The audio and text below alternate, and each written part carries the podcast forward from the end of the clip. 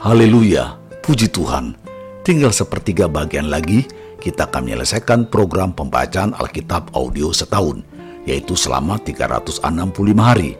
Suatu pembacaan yang disesuaikan dengan jadwal rencana baca dari Back to the Bible Chronological Reading Bible. Tetap semangat untuk terus mendengarkan firman-Nya. Tuhan Yesus memberkati. Inilah mendengarkan firman Tuhan hari ke-284. Matius pasal 8 Setelah Yesus turun dari bukit, orang banyak berbondong-bondong mengikuti dia. Maka datanglah seorang yang sakit kusta kepadanya, lalu sujud menyembah dia dan berkata, Tuan, jika Tuan mau, Tuan dapat mentahirkan aku. Lalu Yesus mengulurkan tangannya, menjamah orang itu dan berkata, Aku mau, jadilah engkau tahir. Seketika itu juga, tahirlah orang itu daripada kustanya. Lalu Yesus berkata kepadanya, Ingatlah, jangan engkau memberitahukan hal ini kepada siapa pun, tetapi pergilah, perlihatkanlah dirimu kepada imam, dan persembahkanlah persembahan yang diperintahkan Musa sebagai bukti bagi mereka. Ketika Yesus masuk ke Kapernaum, datanglah seorang perwira mendapatkan dia dan memohon kepadanya. Tuan, hambaku terbaring di rumah karena sakit lumpuh, dan ia sangat menderita. Yesus berkata kepadanya, Aku akan datang menyembuhkannya. Tetapi jawab perwira itu kepadanya, Tuan, aku tidak layak menerima Tuan di dalam rumahku. Katakan saja sepatah kata, maka hambaku itu akan sembuh. Sebab aku sendiri seorang bawahan, dan di bawahku ada pula prajurit. Jika aku berkata kepada salah seorang prajurit itu, "Pergi," maka ia pergi, dan kepada seorang lagi, "Datang," maka ia datang, ataupun kepada hambaku, "Kerjakanlah ini," maka ia mengerjakannya. Setelah Yesus mendengar hal itu, heranlah ia dan berkata kepada mereka yang mengikutinya, Aku berkata kepadamu, sesungguhnya iman sebesar ini tidak pernah aku jumpai pada seorang pun di antara orang Israel. Aku berkata kepadamu, banyak orang akan datang dari timur dan barat dan duduk makan bersama-sama dengan Abraham, Ishak, dan Yakub di dalam kerajaan sorga.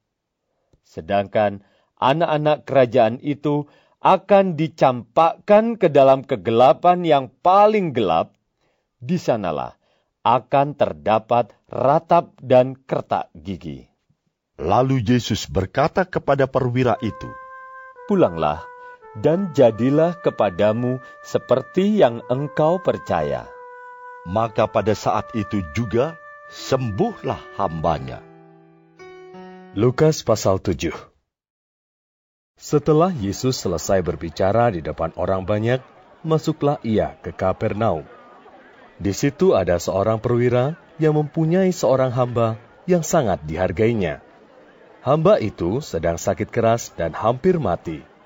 Ketika perwira itu mendengar tentang Yesus, ia menyuruh beberapa orang tua-tua Yahudi kepadanya untuk meminta supaya ia datang dan menyembuhkan hambanya.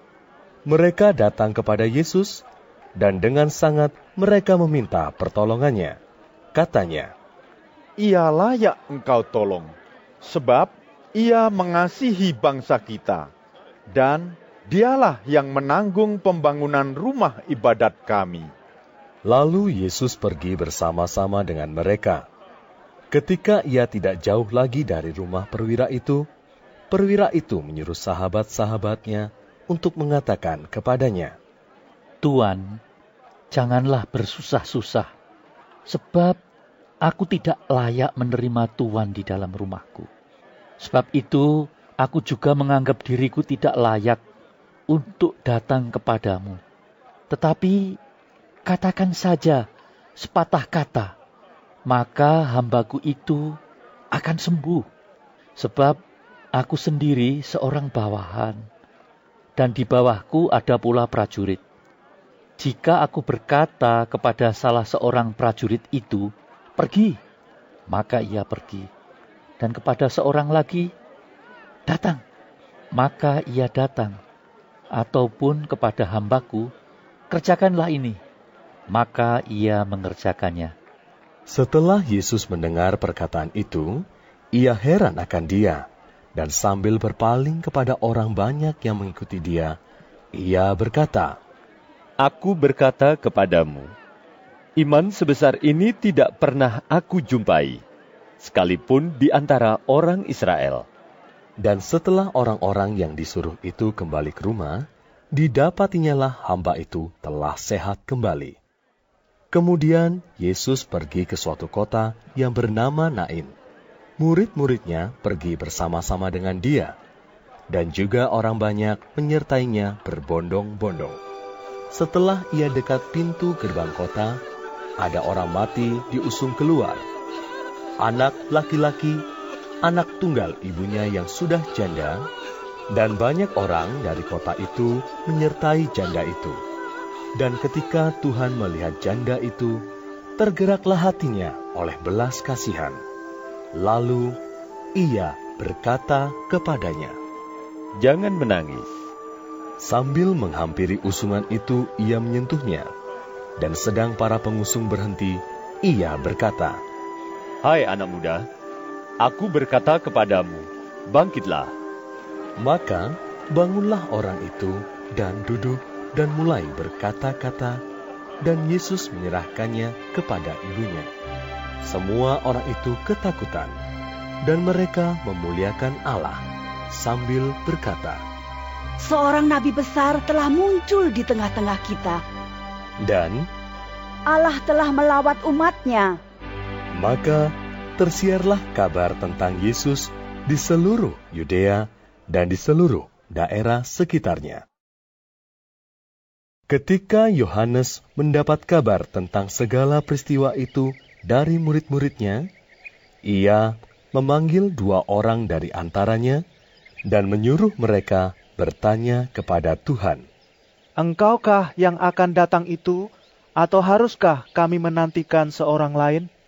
Ketika kedua orang itu sampai kepada Yesus, mereka berkata, Yohanes Pembaptis menyuruh kami bertanya kepadamu, Engkaukah yang akan datang itu, atau haruskah kami menantikan seorang lain?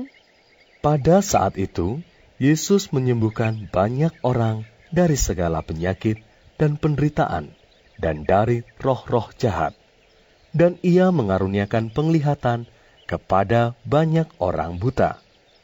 Dan Yesus menjawab mereka, Pergilah dan katakanlah kepada Yohanes apa yang kamu lihat dan kamu dengar.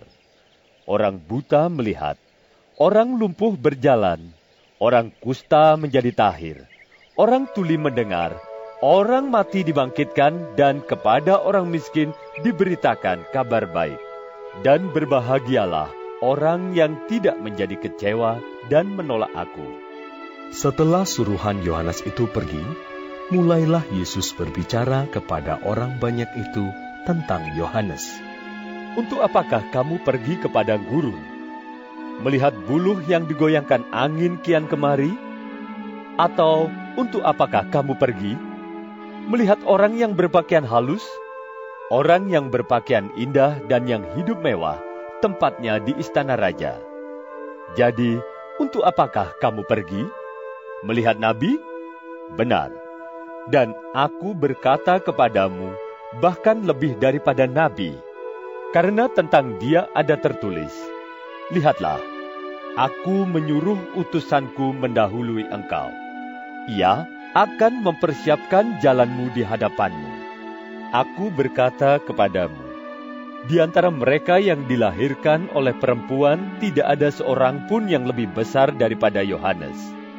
Namun, yang terkecil dalam kerajaan Allah lebih besar daripadanya. Seluruh orang banyak yang mendengar perkataannya, termasuk para pemungut cukai, mengakui kebenaran Allah, karena mereka telah memberi diri dibaptis oleh Yohanes. Tetapi orang-orang Farisi dan ahli-ahli Taurat menolak maksud Allah terhadap diri mereka karena mereka tidak mau dibaptis oleh Yohanes. Kata Yesus, Dengan apakah akan kuumpamakan orang-orang dari angkatan ini, dan dengan apakah mereka itu sama? Mereka itu seumpama anak-anak yang duduk di pasar dan yang saling menyuruhkan, kami meniup suruling bagimu, tetapi kamu tidak menari. Kami menyanyikan kidung duka, tetapi kamu tidak menangis. Karena Yohanes Pembaptis datang, ia tidak makan roti dan tidak minum anggur, dan kamu berkata, ia kerasukan setan. Kemudian anak manusia datang, ia makan dan minum, dan kamu berkata, Lihatlah, ia seorang pelahap dan peminum, sahabat pemungut cukai dan orang berdosa. Tetapi hikmat dibenarkan oleh semua orang yang menerimanya. Seorang Farisi mengundang Yesus untuk datang makan di rumahnya. Yesus datang ke rumah orang Farisi itu, lalu duduk makan. Di kota itu ada seorang perempuan yang terkenal sebagai seorang berdosa. Ketika perempuan itu mendengar bahwa Yesus sedang makan di rumah orang Farisi itu, datanglah ia membawa sebuah buli-buli pualam berisi minyak wangi. Sambil menangis, ia pergi berdiri di belakang Yesus dekat kakinya.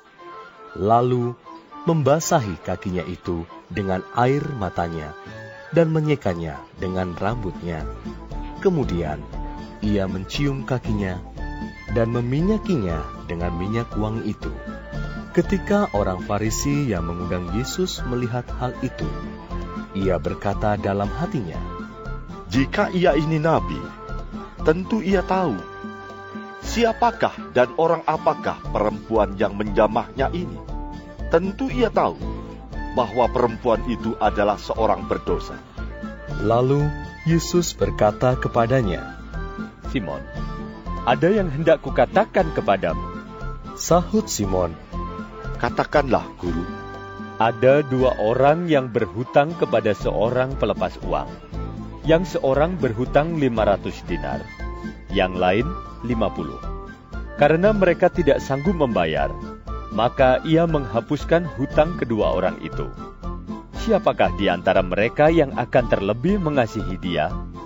Jawab Simon, Aku kira dia yang paling banyak dihapuskan hutangnya.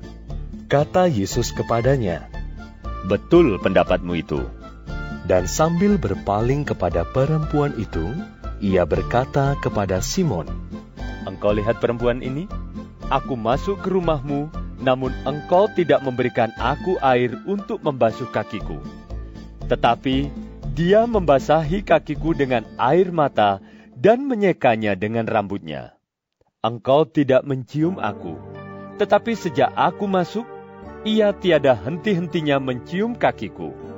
Engkau tidak meminyaki kepalaku dengan minyak, tetapi dia meminyaki kakiku dengan minyak wangi. Sebab itu aku berkata kepadamu, dosanya yang banyak itu telah diampuni, sebab ia telah banyak berbuat kasih. Tetapi orang yang sedikit diampuni, sedikit juga ia berbuat kasih. Lalu ia berkata kepada perempuan itu, Dosamu telah diampuni. Dan mereka yang duduk makan bersama dia berpikir dalam hati mereka, Siapakah ia ini, sehingga ia dapat mengampuni dosa? Tetapi Yesus berkata kepada perempuan itu, Imanmu telah menyelamatkan engkau. Pergilah dengan selamat. Tetap semangat, teruskanlah mendengarkan firman Tuhan. Sampai jumpa esok hari.